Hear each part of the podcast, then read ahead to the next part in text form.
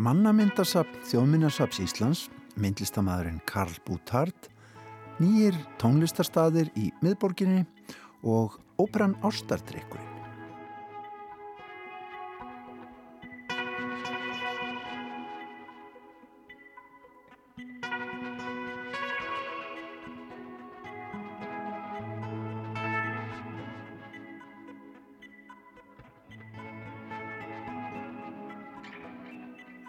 Í ljósmyndasafni Íslands sem er hluti af þjóðmyndasafni Íslands er sérstök sapnteilt til staðar sem að heitir mannamyndasafn. Í henni er að finna ólíkar gerðir mynda, þar meðal málverk, ljósmyndir, útsömsverk og högmyndir, alltaf manneskur. Breytin er mikil frá því að vera skyndimyndir yfir í að vera ómetanleg listaverk. Við förum í þjóðminnisafni í dag og hittum Ágústu Kristófersdóttur sem að gengur með okkur um þessa síningu.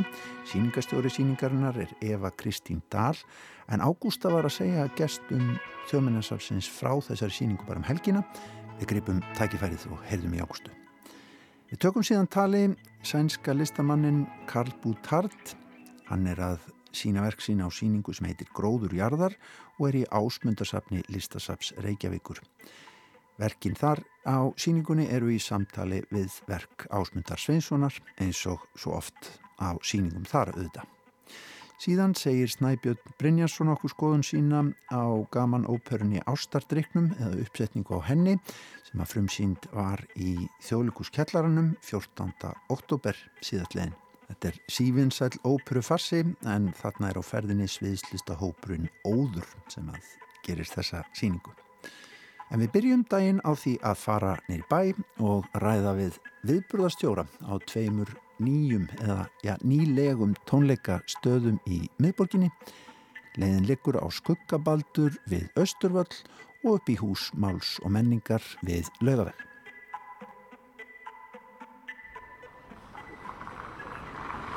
Tónlistalíf landsmanna er eins og margt annað að taka kipp þessu dagana þjóðlífið svo sem allt ef út það er farið. Það er rosalega laung röð hérna til dæmis við bæjarins bestu í Tryggvakvötu í dag. En já, tónlistarlífið, það springur út núna þegar faraldrinum er að eh, slota hjá okkur sem betur fer. Í dag í Víðsjá ætlum við að heimsækja tvo nýja tónleikastæði eða nýlega og kanna hvað þar er í gangi. Við Östurvöll er eh, staðurinn Skuggabaldur búin að hefja vegferð sína. Tónleikasalir auðvitað koma og fara í svona borg eins og Reykjavík er. Snorri Helgason, hann tekur á mót okkur á Skuggabaldri við Östuvöll og ræðans við hann um hver stefnan sé í tónlistinni þar á bæ. Blessar sæl Ég er alltaf að taka upp. Ég er alltaf að taka upp. Hei Já Snorri Skuggabaldur, þú starfar hérna hjá þeim við að bóka listræna dagskrá. Mm -hmm. eh, hver eru áhersluðan þegar maður er fengin í svona verkefni? Sko þegar við opnum þá ætluðum við bara að vera með tónleika kannski svona tvisa þrísar í viku en sáum svo bara mjög fljótlega eða bara strax að við urðum svona, við bara þess að vera skapa ykkur sérstuð að vera með tónleika hverju kvöldi og þá þurfti ég bara að fara að grafa mig út úr þeim þú veist bara því reysastóra verkefni og byrjaði bara að bóka, bóka, bóka, bóka og hérna og þá bara var til mjög fljótlega fór ég að sjá sjá eitthvað svona eitthvað línu sko sem að, sem að er og bara, er það bara opnaðist augum mín fyrir því hvað er ótrúlega mikið í gangi sko, ég, þú veist, ég, þú veist eins og ég sagði á hann, við ætlum bara að reyna að vera með tónleika svona þess að þessari viku, ég held að senan myndi ekki bera mikið meira heldur en það sko, það var ekki, það var ekki fyrir en að við fórum að gera þetta og bara tónleikandir urða að vera á hverju kvöldi að maður, ég fór að sjá virkilega hversu svona kraftmikil og, og sterk senan er sko. og svo líka bara spurning eins og ég var að tala við Guðmund Óskarvinn minn bassleikar um því gær sko, hann var að segja skilur veist, svona smá hænan og ekki dæmi sko, það verður líka til svo sterk sena út af því að það eru tónleikar það er til staður sem eru það sem, það sem eru tónleikar á hverju kvöldi sko. það verður til svo mikið bara út bara verður bara á svona margir, mörg verkefni sem bara verða til út frá því veinleginni sko ungast út bara Já. en sko ég menna það er rosalega uppsöfnuð þörf í tónlistarlífinu, þú hlýtur það sem tónlistarmadur að finna það sjálfur, það, það, er, hérna, það er bara svona einhver spenna Já. sem að hefur hérna, Já, og einhver svona kraftur sem Einmitt. hefur náða að byggjast upp einmitt og það, ég menn það var bara eh, mín reynsla hérna bara það er það, okkur líður bara eins og fólk hafi verið að býða eftir því að þessi staður opnaði sko, sem að ég bara, eins og ég segi ég var ekki viss um það sko, hvort þetta myndi ganga sko, en þetta er bara, það er alltaf stemming en hérna á hverju kvöldi sko, þannig að það er bara frábært En hverjir eru svona áherslunar? Ég veit að það er talsvöld jazz og, en það eru líka íslenska jazz senan ansi mögnu, það er að segja menn er einhvern veginn allir í þúsund hérna, hljónsutum mm. og verkefnin ansi mörg sem að hægt er að taka inn hér mm. Já, það er í raun og veru, línan er, bara, er í raun og veru jazz og svo hugsaði líka traditional músík sko, eða svona, ég veit ekki alveg hvernig best að þýða, sko, það er ekki beint sko þjóðlaga tónlist, heldur svona meira svona þú veist, við tökum inn við erum voruð með hérna með Los Bombarneros og svona og þannig einhvern veginn þannig bönd sé ég fyrir mér en þú veist, til dæmis ég, bara hvernig staðurinn er byggður upp og þetta, og náttúrulega það er ekki rukkað inn þannig að þetta er ekki beint tónleikar, tónleikar sko, þetta er svona fólk kemur bara á og, og hlustar og þeir sem eru vilja virkilega hlusta og sína þessu aðtekli setjast bara nálat bandinu. Aðeins geta setja annar staðar og spjalla og þá er þetta meira svona atmá sko. þannig að til dæmis eins og bara söngur og sungin tónlist er, getur orðið alltaf erfið uh, þegar það er ógæslega mikið mikið læti hérna. En, veist, og þess vegna er ég að reyna að beina þeir, því inn á, á sunnudaga og þriðudaga og svona þegar fólk er kannski aðeins róleira bara þú veist. Uh, en svona í grunninn já er þetta aðalega bara jazz og, og hérna tradísjónal tónlist.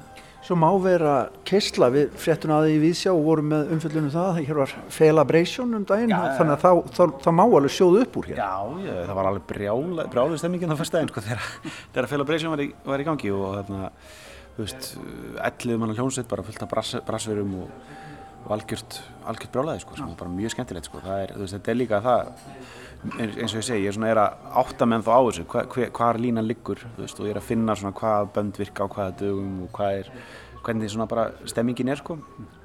Og, uh, og það, eins og ég segi, oft um helgar er bara brjálu stemmingin sko, það er geggja mm.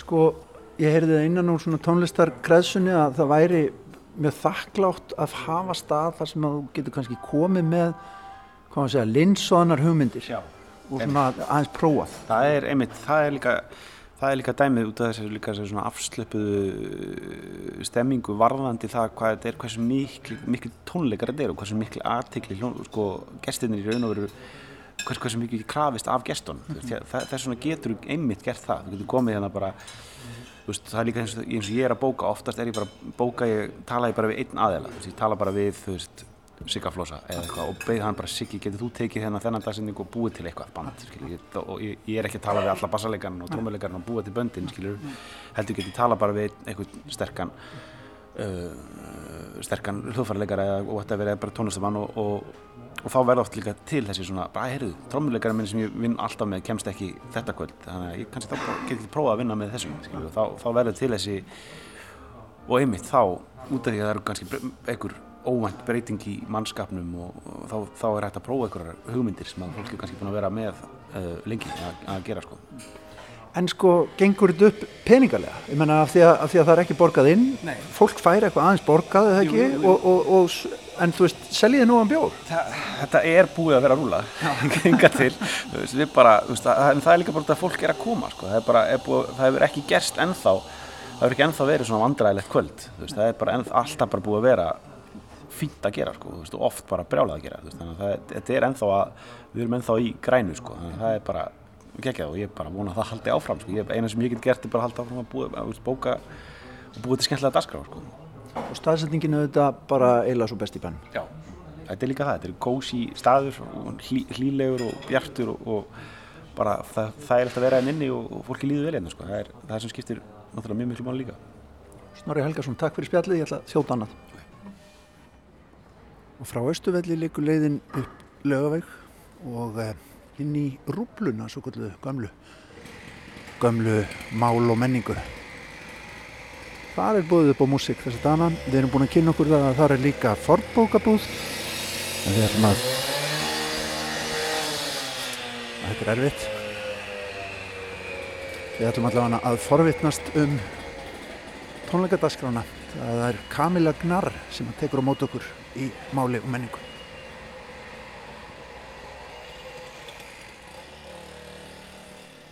Góðan daginn. Þú Kamila? Grunnaði það? Sælublessuð. Hvað segir þau? Ágætt, en þú?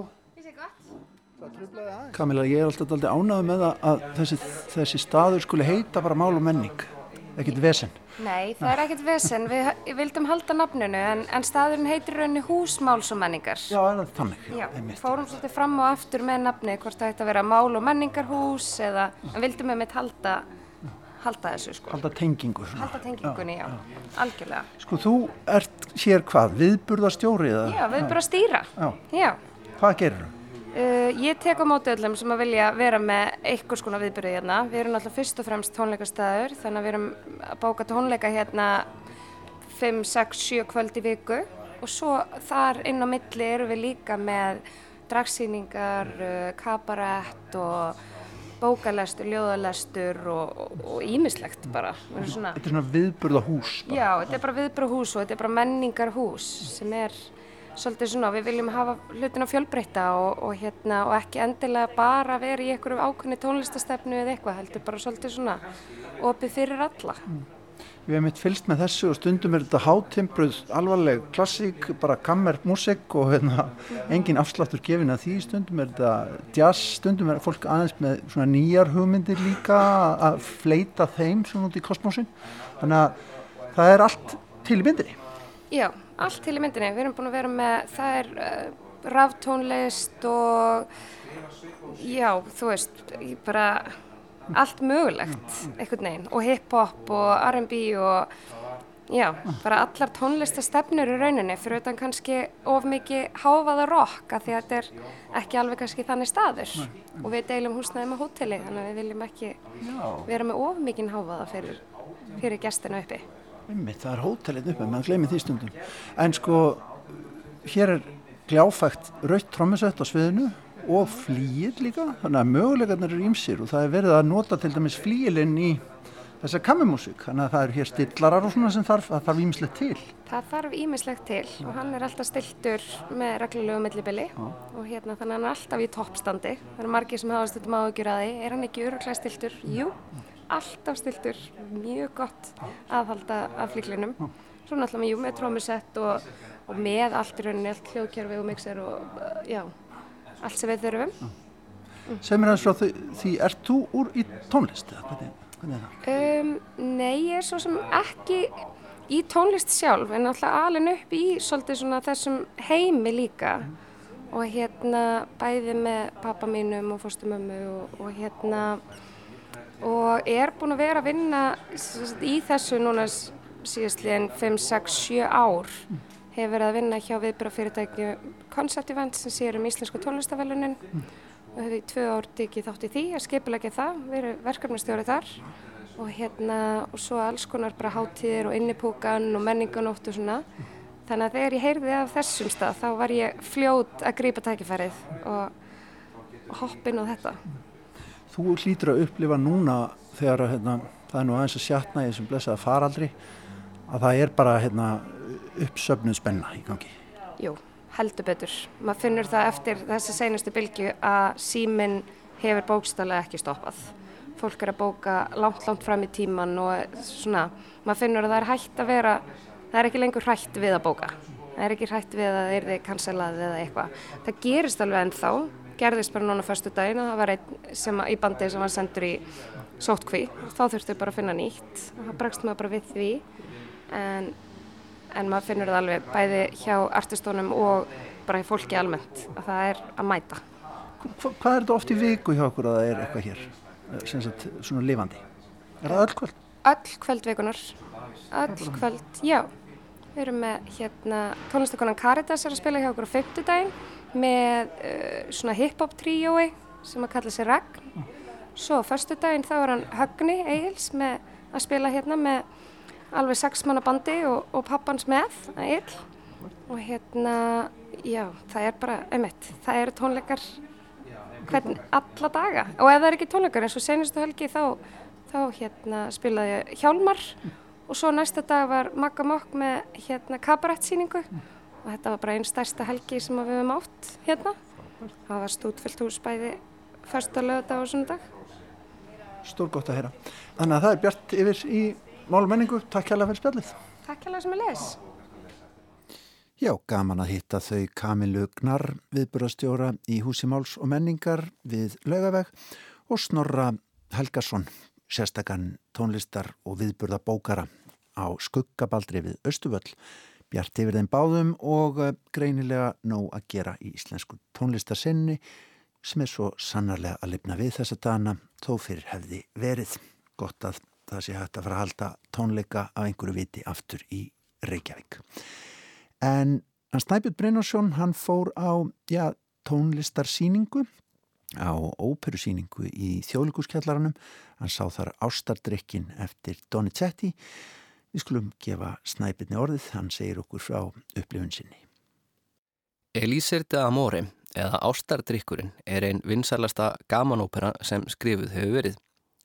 Þetta klassíska verk var nýverið sett á svið í þjóðleikuskjallaranum af sviðslista hópnum Óði í mjög stittri og einfaldaðri mynd til að passin í þær þraunguskorður sem að kjallarinn setur hópnum. Óperan segir frá Nemorinho, fátækum verkamanni sem er yfir sig ástfangin af Adínu, sem vil svo til að er ríkur landeðandi og því stjætt fyrir ofan greið Nemorinho í bændasamfélagi Ítalíu á 19. öld. Nemorinho er tólkaður af tenornum Þóralli auði Helgarsinni og Adína af Solveigu Sigurðardóttur Sóbrani. Þeim til Hals og Trausts er svo Ragnar Pétur Jóhansson í hlutverki skotturlagnisins Dulcamara og Jón Savar Jósefsson sem helsti keppinutur Nemorinjós og fyrstinn Belkore. Eins og áður saði er búið að stitta og einfalda verkið töluvert. Það er ekki plás fyrir stóran kór í þóðlíkuskjallarunum og Gianatta, vinkona Atinu, hinn sopranröttin í verkinu, hefur verið skrifið út. Undirleikurinn er heldur ekki Sinfoníuljónsett, heldur Sigurður Helgi Oddsson sem spilar á píano. Ástardrykkurinn er gamanópera með einfaldan sögutráð. Nemorinho vilist ekki eiga neitt séns í atínu en kaupir töfradrykk af Dulcamara sem á að gera hann ómótstæðilegan í augum kvenna á innan við sólarhing. Ósýpni skotturlagnirinn selur honum drykk sem er í raun ódýrt rauðvin og Nemorinho verður ekki ómótstæðilegur heldur drykkin. En eins og oft gerist þegar menn er undir áhrifum áfengis þá öðlast hann eilítið meira sjálfströst. Í fyrstu virðist hann ætla að býða þólunmóður eftir að drikkurinn byrjaði að virka sem Dúltjamara laug að yrði eftir sólaring þegar skotturlagnirinn væri komin í öruga fjarlagð frá þorpunu. En þegar Nemorinho fréttir að ofurstinn Belkóreum sé í þann mynd að fara að giftast verður hann að grípa til örþrifa ráða og leitar aftur til lagnisins í vonum að geta fengið kröftugri og hraðvirkari drikk. Það er óþarfið að rekja sögurþráðin alveg til enda, ástardrikkurinn í stuttumáli fjallarum sigur einlagrar ástar og það sem á endanum hrífur aðínum er að Nemorinho er til í að leggja allt í sölurnar fyrir hana, þar með talið sitt eigið frelsi. Þó svo að í millitíðinni verður hann að einum ríkasta manni hér aðsins. Verkið er eftir tónskaldið Gaetano Donizetti. Hann skrifaði óperuna á tæpum 6 vikum árið 1832 og það sló svo rækilegi gegn að hún varð mest flutta ópera á Ítalju þann áratugin. Þetta var mjög gjöfulur áratugur í lífi Donizetti sem skrifaði ótal verk sem lang flest slói gegn. Þekking mín á óperusögunni er í bestafalli yfirbóðskjönd en flest ættu við allavega að kannast við eitt lag úr óperunni, Una Fortiva La Grima, en Þóraldur flutti lagið príðisvel í einum af tröppunum í kjallaranum við mikinn fögnuð áhóranda. Sviðsetningin er óskup einföld, búningar eru sangkvæmt tíðaranda verksins Ekki baska hér aðeins átjóndaldar þó sem Donizetti staðsetur verkið í heldur meira eins og á Ítalju nítjóndaldar. Ragnar Pétur riðist inn í salin með pípuhatt á höfði og larvarlegan smóking í upphafi síningar. Hann áarpar áhörundu beint og dregur eitt þeirra úr sæti sínu til að spila á píano. Það er frá upphafi því ljóst að þetta er galsakent síning með mikillir nánd við áhörundur og meira eins og að verinn á reikfyltum bar heldur en í óperuhúsi. Aðrir búningar eru frekar einfaldi líka. Til að undirstryka stjættastöðu Nemorinho er hann klættur eins og þjótt. Adina er í kjól með rauðri slöfu og Belkore í hermannabúning. Það er mikið fjöri kringum Ragnar Pétur og Jón Sávar. Ragnar er mjög fítn í hlutverki Lottarans Dulce Mara og stýgur oft í hlutverk sögumanns til að tengja atrið í verkinu saman og Jónsafar er stórskentilegur í hlutverki sínu sem herfóringi með hraust sjálfsalit. Það sem ég er ekki sérfróður um óperur þá ætlum ég ekki að leggja ídalegt mat á tónlistaratriðin sem þó eru augljóslega stórt atrið í uppsetningunni. Það kom mér á óvart hversu góður hljómbröðun er þrátt fyrir allt í þjóðleikuskjallaranum og ég allavega nöyt tónlistarinnar. Píónó undurleikur Sigurðar Helga virkar jazzskotinn og þau ítir enn frekar undir frjálslegan bar fílingin. Salurinn er vel nýttur, áhörendur umkringja ferkanta sviðið úr öllum áttum en söngvararnir eru óhrættir við að stíga út fyrir boksið, brjóta fjórðavegin og syngja og kallast á í tröppum og að milli borðana þar sem áhörendur sitja. Á meðan síningin er í gangi þjóta þjónar þjóðleikurskjallarans um með pantanir að þess að trubla sérstaklega og maður geti vel ímyndað sér að maður væri í brúðköpsöslu Adínu og Belkóri nú eða veitingastafnum þar sem Nemorinho virðist eiga að vinna í þessari uppfæslu. Tekstinn er á íslensku og það er sóbrann síningarinnar, hún Solveig Sigurðardóttir sem endur þýtti hann en byggði þar að hluta til á þýðingu frænda síns Guðmundar Sigurðssonar og þýðingu hans frá árunnu 1967. Þýðingin hljómar ágætlega og er á vel skiljanlega máli af þeim köplum undanskildum, þeim örfáu atriðum þar sem söngvararnir fjórir syngja í saminningu hver sína línu en þá er erfitt að greina öll orðaskil. Það má velta fyrir sér hversu vel þessi ítalski óperufarsi eldist í nútímanum. Er það sympatist í dag að Nemorinho gangi á eftir konu sem vill ekkert með hann hafa og gangi jafnvel svo langt að hann kaupir sér ástardrykk sem á að blekja hana til að hrífast af honum? Það mætti segja að Belkori sé að einhverju leiti verðugur í hetja því hann tekur því með sæmilugu jafnaðagiði þegar Atina slítur trúflofum þeirra og tekur nei sem nei. Hér er ég auðvitað bara gantast því að farsar, hvort sem þeir eru óperufarsar eða annars konar gammalegir, er ekki hér til að draga upp móralskar fyrirmyndir. Heldur er mitt personur sem á einhvern tátt eru hlægilegar. Einn aðal brandarinn er hvernig Nemorinho verður eftirsoknaverðari í augum atinu þegar hann hunsar hana, á meðan aðrar konur skindilega hrífast á hann, ekki vegna þessa áfengið ljáir honum aukið sjálfströst, heldur á því frændans er búin að arfleðan að miklum auðafum. Ástardrykkurinn er enþá mjög fyndið verk, Mitt ófaglega álit er að söngurinn hafi hefnast mjög vel. Í öllu fallið þá má hrósa leiksturónum Tómas Helga Baldurssoni og aðstofa leiksturónum Níels Tíbo Gírerd fyrir að hafa náð góðri framurstöðu úr leikurunum og séti þess að þeir nýti sér rýmið vel. Óperu söngurar geta stundum orðið styrðbusalegir í stærri uppfæslum, nánast hluti af suðismyndinni frekar en lifandi personur, en þessi síning er fjöru og fulla lífi og góð skemmtun líka fyrir fólk sem ekki þekkir vel til óperu menningar.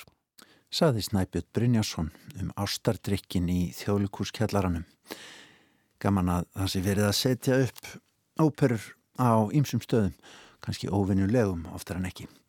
En þá ætlum við að huga að myndlist, því að myndlistamæðurinn sænski Karl Bútart hefur verið búsettur á Íslandi um nokkur ára skeið Hann er núna að sína verk sín á síningu sem heitir Gróður jarðar og er í áspundarsafni sem er auðvitað hluti af listasafni Reykjavíkur. En Þorgerður Ása Aðarsteinstóttir, hún fór til fundar við Karl Bútart og rætti við hann um síninguna. Við skulum heyra hvað þeim fór á milli.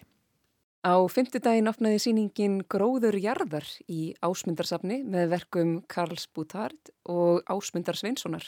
Um er að ræða högmyndasíningu þar sem listamæðurinn beinir sjónu sínum að þeirri hönnun sem byrtist í náttúrunni þar sem form ráðast af samspili, reglu, endurtekninga og frávika. Hingað er komin listamæðurinn sjálfur. Takk fyrir. Rosalega gott að heyra þetta. Mér finnst það eins og nú geti ég, ekki, nú þarf ég ekki bæta neitt við. Já, ok. Þetta var, svona, þetta var hérna allt í hinnótskurn. Já, einmitt, heyrðu, bara takk hérlega fyrir komina. Já, takk sem er leiðis.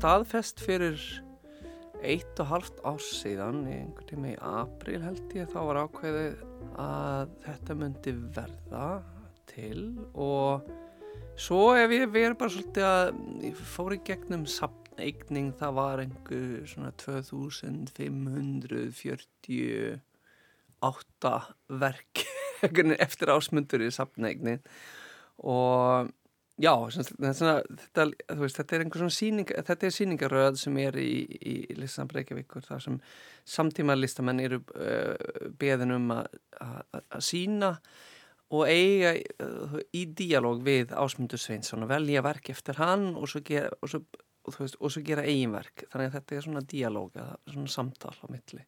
Ekkunin er eitthvað spennandi þarna út af því að hann hann, hann á svo mörgverk og svolítið svona uh, fjölbreytt ferli.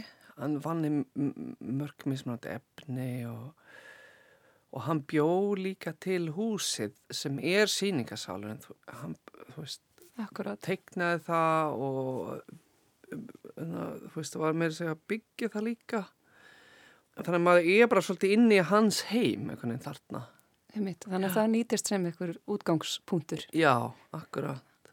Já, svo síningin sem var á, áður núna sem Sýra gerði þá hún ákvaði að vinna bara með með, með ljósið, hún notaði það er svo mikið, mikið glér þannig það hún, þú veist, hún setti svona filmur á á, á glukkana og þú veist, mér fannst það það var svo bara snilt einhvern veginn að hugsa um sapni sem, sem skuldur þannig hún vann þannig með hann og auðvitað svo var, valdi hún út verk eftir hann og na, þetta var mjög mjög flott hjá henni. Ég er ekki jafn flottur svona, ég, ég er svo þú veist, ég byrjar uh, út af því að þú spyr um, um ferlin sko, þá er ég ég er meira svona ég, ég, hugmyndina mína þau koma í, þú veist, ég, ég byrja að vinna ég sest ekki niður og fæ einhverju svona, einhverju góð hugmynd bara út úr engu heldur. Ég byrja kannski með einhverju rosalega banal hugmynd, mjög einfalda hugmyndir en, en svo og svo fer ég vinna og svo þú veist, þú fer ég einhverju átt kannski sem, sem borgar sér ekki. Til dæmis í þetta verkefni þá held ég að ég svolítið upptekin á sab, þú veist, sapnið fyrst að ég sá að já, bara svona eitt hugmynd sem, sem ég slefti á leiðinni. Það var ég, ég var búið til módel af sapni og þá sá ég að það er út af því að þetta er alltaf svona, svona boga að það er eitt punktur í sapnið þar sem, sem, sem stjórnar útlítið á allt sapnið bæði hvernig það lítur út frá hlýðina og frá ofanifrá að þetta er allt svona ringlaga. Og ég var svona að hugsa um að búa til einhver svona svona, svona pappisflug sem, sem krakkar hendi þú veist maður getur gert eitthvað svona. Það leit, leit svona, svoleiðis út ekki að satti plan og svona þverskurð ekki enn safni þá leit það út eins og svona, svona pappisfluga ég slefti þann hugmynd það var ekki, mér fannst það einhvern veginn ekki nú nóg spennandi en, en veist það var bara svona eitthvað sem kom sem ég sá þegar ég var hérna að vinna með, með að búa til módel af safni en, en svo fór ég lappitúr í, í í öskjulíðinni og þá var ég líka búin að lesa svolítið um, um ásmundur og þú veist hvernig hann, hann bjóð til hann bjóð til húsið og hann bjóð til skuldurunum svona, einhver svona, svona lítið í einu hann steifti kannski húsi og það, það reys svona eitt decimeter á dag og það er frásagnir um hvernig einhvern lappaði þarna framjá og sá þetta hús rýsa svona hægt en síjandi og og mér, veist, mér, mér fannst það, það svona spennandi aðferð að, að vinna í svona í lög. Það er svona, er mjög svona tímatengt finnst mér líka.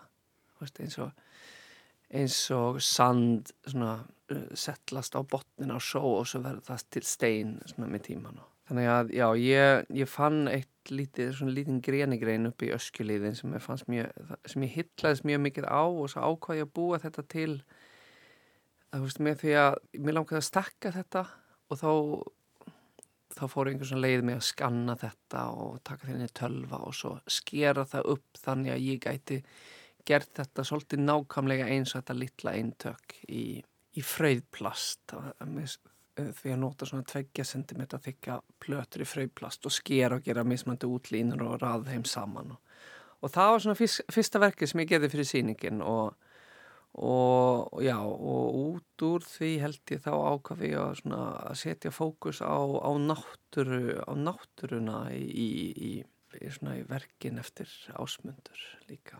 Einmitt, þannig að þú kannst reyði fram verk eftir hann sem var ákveðin samljómur með. Já, akkurat. Það sem náttúran, náttúran sem fyrirbæri var, var til í verki eftir hann.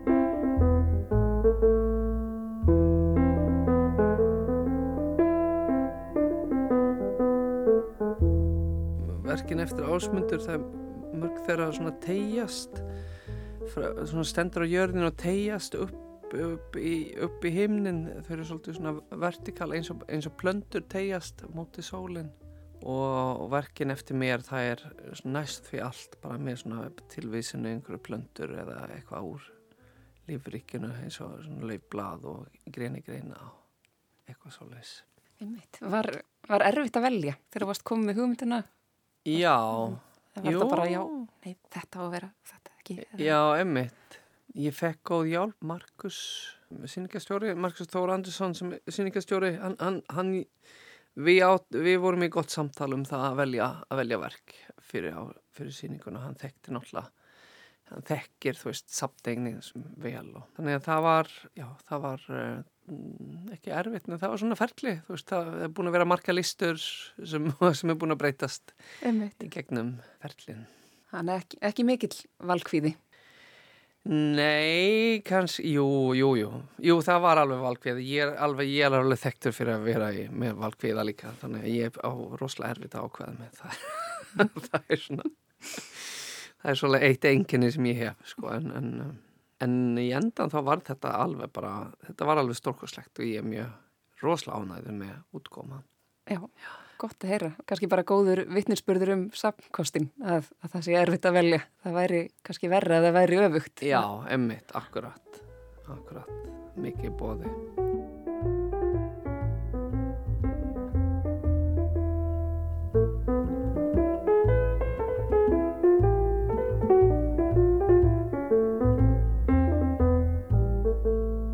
Já, svo er svona eitt annað sem mér, mér fannst mikilvægt sem var svona, svona leið, leiðarljós fyrir mig var út af því að þetta er svona hús sem er eins og boga í læginu þá hefum alltaf fundist uh, það vera áskorin að setja einhver svona stöpplægin í það rým, sérslega í stóra rýmið. Og ég var með, þú veist, það var einhver svona ákveðin hugmynd sem ég var með frá byrjun að vera með verk sem var í læginu þannig að þau gæti staðið beint á golfið veist, bara, þannig að það myndast einhvers tengsla millir byggingin og verkin. Og, og það er oft veist, til þess að verk getur staði beint á golfið þá, þá þarf það líka að vera einhvers svona stærð. Og það var mjög, þú veist, það var svona, mér finnst það hefnaðist líka mjög vel, það var rosalega fallegt tenging á millir verkin og, og, og rýminu. Svo er eitt stöpul inni en svo stöpul er svona vegg er, svona fest, er upp á vegg og er eins og þess vegna orðin er eins og bara svona partur af byggingin. Þannig að það, það var líka mjög svona, svolítið svona á, meðvitað og svona ákveðið frá, frá upphafi og í gegnum. Þetta var ótrúlega spennandi og ég lakka til að sjá síninguna Já, þú verður að fara. Ég verður að fara núna úr þessu Takk kærlega fyrir komuna Já Takk sem er leiðis, rosalega gott að vera hér.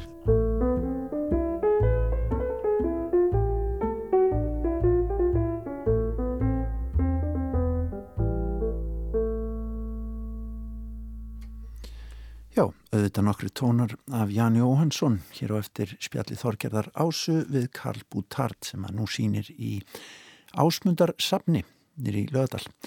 Sýningin heitir Gróður Jarðar. En Þarna var verið að nota Ján Jóhansson og við ætlum að lefa honum að leika áfram um stund og fara yfir í rúsnesku hliðina á þessum frægu plötum jasp og svenska og rúska. Og heyra söng ferjumannsins á volku fyrir sensandi í huganum þar austur eftir.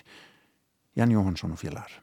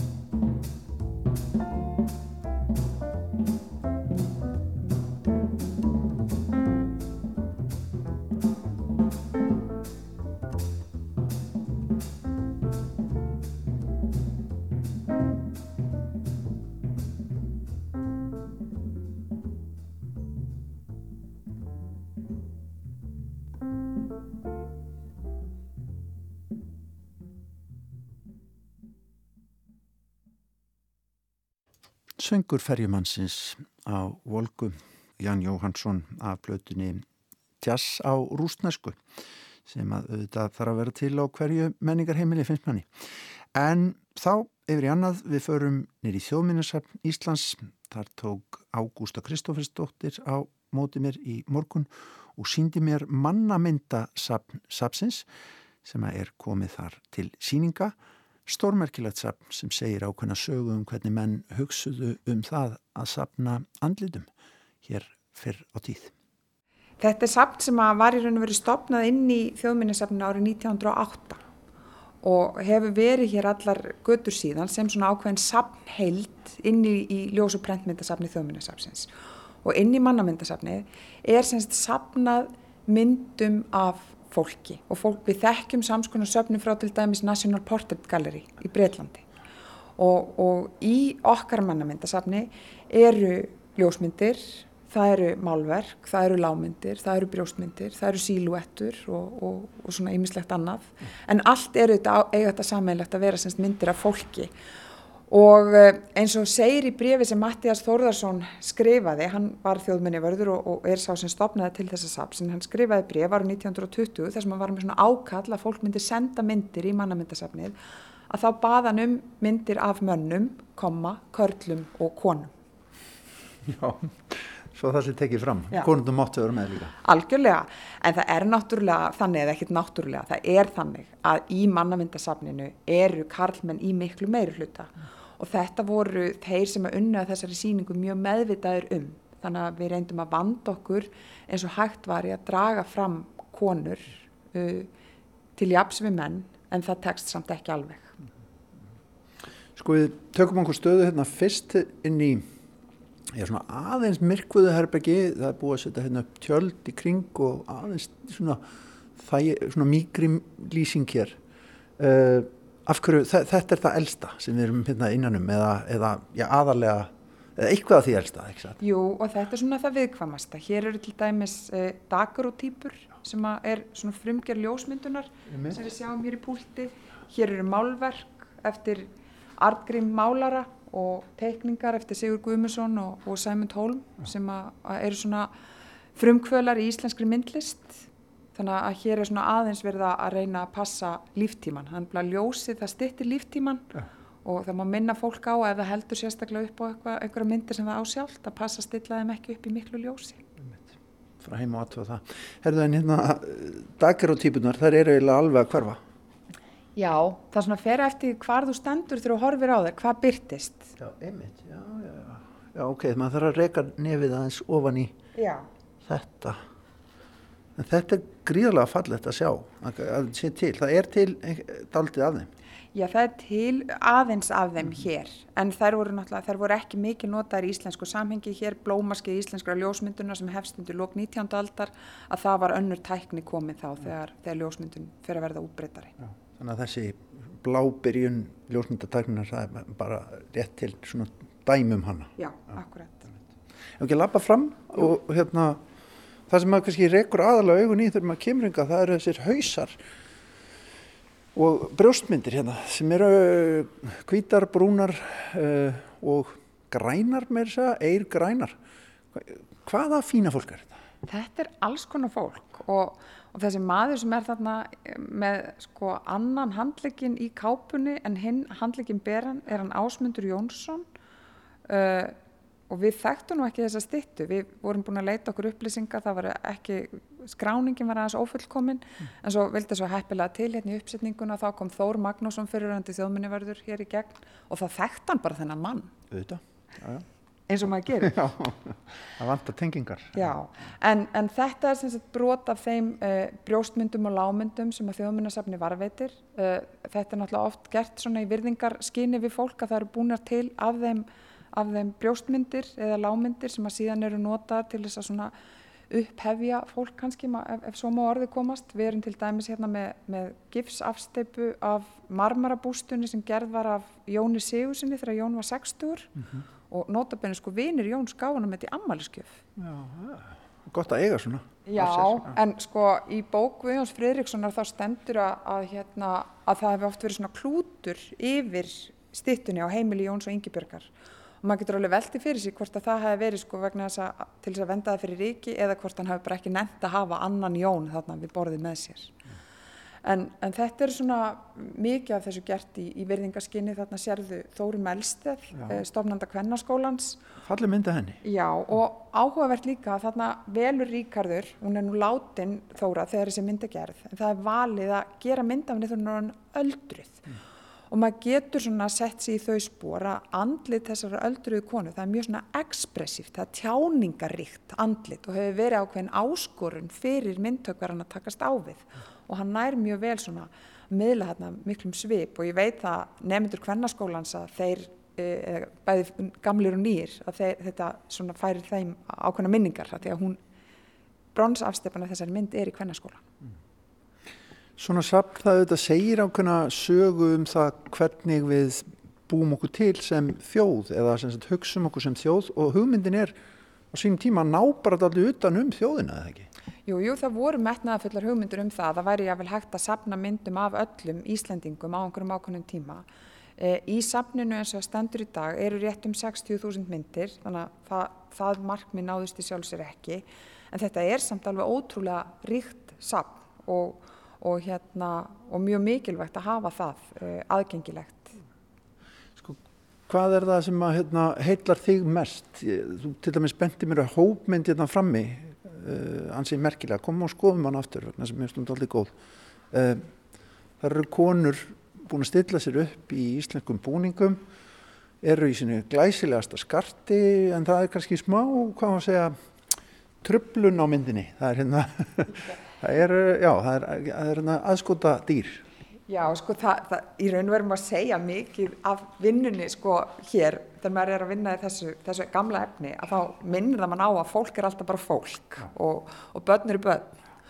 Og hérna, það eru sem sagt tvær útgáfur af sömu mynd hérna, sem eru sem sagt konur í Torvaldsen félaginu, myndin er tekin í Alþingisgarðinum árið 1927, þetta eru mjög glæsilega konur, klættar í, í skautbúninga mm. og, en á annari myndinni sér maður að í bakgrunin er svona gardveggur og upp á þessum gardvegg sitja sko, ég segi nú ekki allir götu strákar Reykjavíkur á þessum tíma en þeir eru ansið svona prakkara leir þessi félagar sem eru þannig í bakgrunni. Já en síðan hefur ljósmyndanin tekið sér til og hann hefur í raun og veru fjarlægt bakgrunnin þannig að á myndinni sem verður hinn ofinbæra útgafa að þá sjást þessi piltar ekki þarna þessi krakkar, þau eru bara horfin. Það er búið fótosjópað út já. og það er svona skuggi af þeim hérna já, baka, þetta er svona já, þess tíma aðferð. Og þannig er með verið að jarða eitt, eitt, eitt mikilmenni viðbútt, það er að segja Sveinbjörn Sveinbjörnsson tónskall, 1927 Stóru merkilega. Og ef maður leitar til dæmis, eru, það eru myndir hér af sískinahópum og á einni af þeim myndum er, er ungur piltur, svona úlingspiltur í mjög þungum þöngum og, og þegar maður skoðar betur að þá kemur í ljósa þetta Jón Leifs sem að greinilega hefur verið farin að bera svona þungar listrannar byrðar mjög snemma. Já, var að bugast undan þeim. Já. En af því að það er hérna við liðin á þessum flottu konum í, í, í Torvaldsinfélaginu, þar er að mér sýnist útskriftamynd, já. Eh, það hefur verið að útskrifa hérna nefnundur í mentaskólanum á Ísafyrði jólinn 2020 og þar eru allir með grímu. Já, þetta var mynd sem við nálguðum sérstaklega fyrir þessa síningu til þess að bæta við þessu, þessu elementi inn í, inn í hópmyndirnar. Að, að, að því að þetta verður náttúrulega mjög táknætt fyrir þennan tíma sem við lifum á núna vonandi kannski búin, að fólk er hægt að vera með, með grímur svona allavega hverstaslega. Við vonum að það sé allan alveg að vera búið. En, en þetta var þarna alveg þegar COVID var í algleimi ef svo má orði komast og, og allir þurfti að vera með grímu útskriftamyndinni og, og það verður hægt að lesa það út úr þessum grímumyndum á hvaða tíma þær eru teknar. Heldur betur og svo verður jarðlag eins og bentuðu verið á það verður lag eins og öskulag sem verður grímulag. Grímulag, það er hluta plastlægin. Já, æjæj, uff er það. En Ágústa, sko, af því að þessi myndir aðna, þá fenn maður að hugsa, er mannamyndasafn, þjóðmyndasafnsins, er það á lífi? Það er að segja í söfn? Já, það er það og við höfum til dæmis eh, bóðið fólki upp á að skila inn myndum hér eh, á síningunni þannig að það getur komið með myndir og, og, og skila inn til okkar og sumt af þeim myndum sem koma inn í safnið að það fer í þennan hluta, hluta safnsins. Þó að við séum kannski ekki eins og Mattias var á sínum tíma sem var að skrifa bref og kalla bara bóstælega eftir myndum að við erum ekki alveg á þeim stað en við tökum alltaf reglulega inn í safnið hluti og, og það var til dæmis gert sérstaklega fyrir, fyrir þessa síningu núna sko. Mm. En mér langar að að benda hérna á eina mynd sem er mynd nummer eitt. Já, einmitt. Og að því við vorum að tala um að, að það væri kannski fleiri kallar en konur í mannamyndasafninu að þá kemur í ljós að mynd nummer eitt í mannamyndasafnu, hún er svo sannlega af konu. Já. En mynd, mjög fallet lítið málverk í, í fínum ramma en þegar þessi mynd var tekin inn í þjóðminnesafnið að þá eins og löggerar áfyrir var skrifaður á hvern texti mm -hmm. og við höfum tekið þann texta hérna upp vegna þess að í honum segir mynd af einni frú Gísla Biskups Þorlákssonar máluð á trí af einhverjum íslenskum manni á 17. öld og þetta er alltaf skemmtilegu texti vegna þess að við vitum hver málaði myndina og við vitum líka nafnið á konunni. Þannig að það er búið að skrifa og hún Þóra Kristjánsdóttir, listfræðingu sem starfaði hér lengi, að hún skrifaði nýjan texta fyrir þessa mynd og þá er hægt að segja litla málverkið er af Ingi Björgu Benediktsdóttur sem dó 1673 og hún var miðkona Gísla Þorlákssonar Hólabiskups og myndin var máluð af bróður Gísla Þorði Þorláksinni Skálhótsbiskupi ummitt. Það er þetta að bæta við fylla inn í myndina í rauninni, auðvitað. Já, og segir okkur aldrei líka um bara tíðarandan að, að myndin var tekin inn sem mynd nummer eitt en það þótti engin ástæða til þess að nafngreina konuna á myndin. Ummitt. Og nú skulum við bara horfast í auðvið það. Þetta er auðvitað pínlítið, kann man segja, snúið á okkar tímum svona þegar við eigum að vera mjög meðvituð um að vera að skekja vísvitandi söguna aftur einhvern veginn eða já, skekkjana, leiðrættana, skulum við segja. Já, við erum Þá er þetta pínu vandræðalegt saman, eða ekki? Jú, vandræðalegt og vandræðalegt. Ég minna það kannski bara staðfestið aldrei, þú veist, hérna völdins hvita miðaldra kallmanns í íslensku samfélagi. Það, það verður bara segjast eins og er. En, en við höfum svo sem reynda mjög markvist að draga fram að, að önnu sjónarhótt og, og vera hérna með hópa til dæmi sem eru fjölskyldumyndir, sískinamyndir, uh, uh, myndir af uh, leikurum og íþróttamönnum og, og hérna mjög skemmtilegan hóp sem eru myndir sem tekna voru af höndum. Ah, Já, þessar hérna mitt. Já. Maður með, með stóran vindil og, og skart á fingrum hvenna og svona, þar fram til gödunum En þetta sagt, eru uh, myndir sem voru notaðar sem fyrirmyndir af höndum þegar vaksmyndasafn þjóðmyndasafnsins var, var gert. Ah, og þannig að við erum hérna þess að ná þeim góðum. Já, handaportrætt Já þannig að það er alls konar til í þessu. Það eru leikaramindir, hér er verið að tala um skeggvöxt gegnum tíðina. Uh, já, það er bara það er þetta að horfa á þetta náttúrulega íþróttamenn hérna og hetjur hetjumyndir, það er þetta að horfa á þetta úr ímsum áttum og þetta er rosalega fjálbreytt saman. Já, þetta er það, þetta er mjög fjálbreytt en, en það er einn maður sem kemur mjög oft fyrir í þessu safni. Og það er kannski fyrsti Íslandingurinn sem áttaði sig á vægi ljósmyndunar eða ljósmyndarinnar til þess að búa sér til ímynd. Og hann er bara eins og Instagram stjórnur samtímans, hann fór bara mjög oft til ljósmyndara og létt taka sér marga myndir. Og það er engin annar en Jón Sigursson og Var hann svona, heldur hann hafi verið fyrsti Instagramarinn? ég, ég, ég þurfi ekki alveg að fara svo langt með það en hann var allavega mjög flinkur og þeir menn sem að voru eða fólk sem að var í umgengi við hann í að stöðla að því að ímynd hans, sem sagt andlitið ásjónan var mjög þekkt og, og það voru fjöldaframleitar á hann myndir til þess að hafa einn á heimilum. Þetta er skipilagt. Algjörlega. Já. Og þetta er náttúrulega bara það sem að stjórnmálumenn lifa á. Já, já, ég menn og hann var bara mjög slingur og, og svo auk þess náttúrulega var þetta bráðmyndalegu maður þannig að það var ekkit leiðilegt kannski að hafa hann upp á vekk hjá sér þykir ekki enn með þessa. Já, já. En Ágústa, takk hjálpa fyrir spjallið og hérna bendum við á þessa síningu mannamyndasafni hérna í Ljósmyndasal Þjóðmyndasafs Íslands við Suðugutu. Takk fyrir að taka móta mér. Herri, takk fyrir að koma. Já, hann var sæturan Jón Sigursson. Skiljanlegt að fólk vildi hafa hann upp á vegg og vilja oft enn. En svona ljúkum við við sjá í dag með heimsókn í þjóðminnarsafnin. Það var Ágústa Kristoffersdóttir sem tók á móti mér þar í morgun og síndi mér þessa merkilegu síningu manna Það rætti að týna sér í henni líklega ja, klukkustundunum saman myndum maður alltaf. En eh, takk fyrir samfélgina í dag. Við sjáum við aftur á morgun klukkan 16.05. Verðið sæl.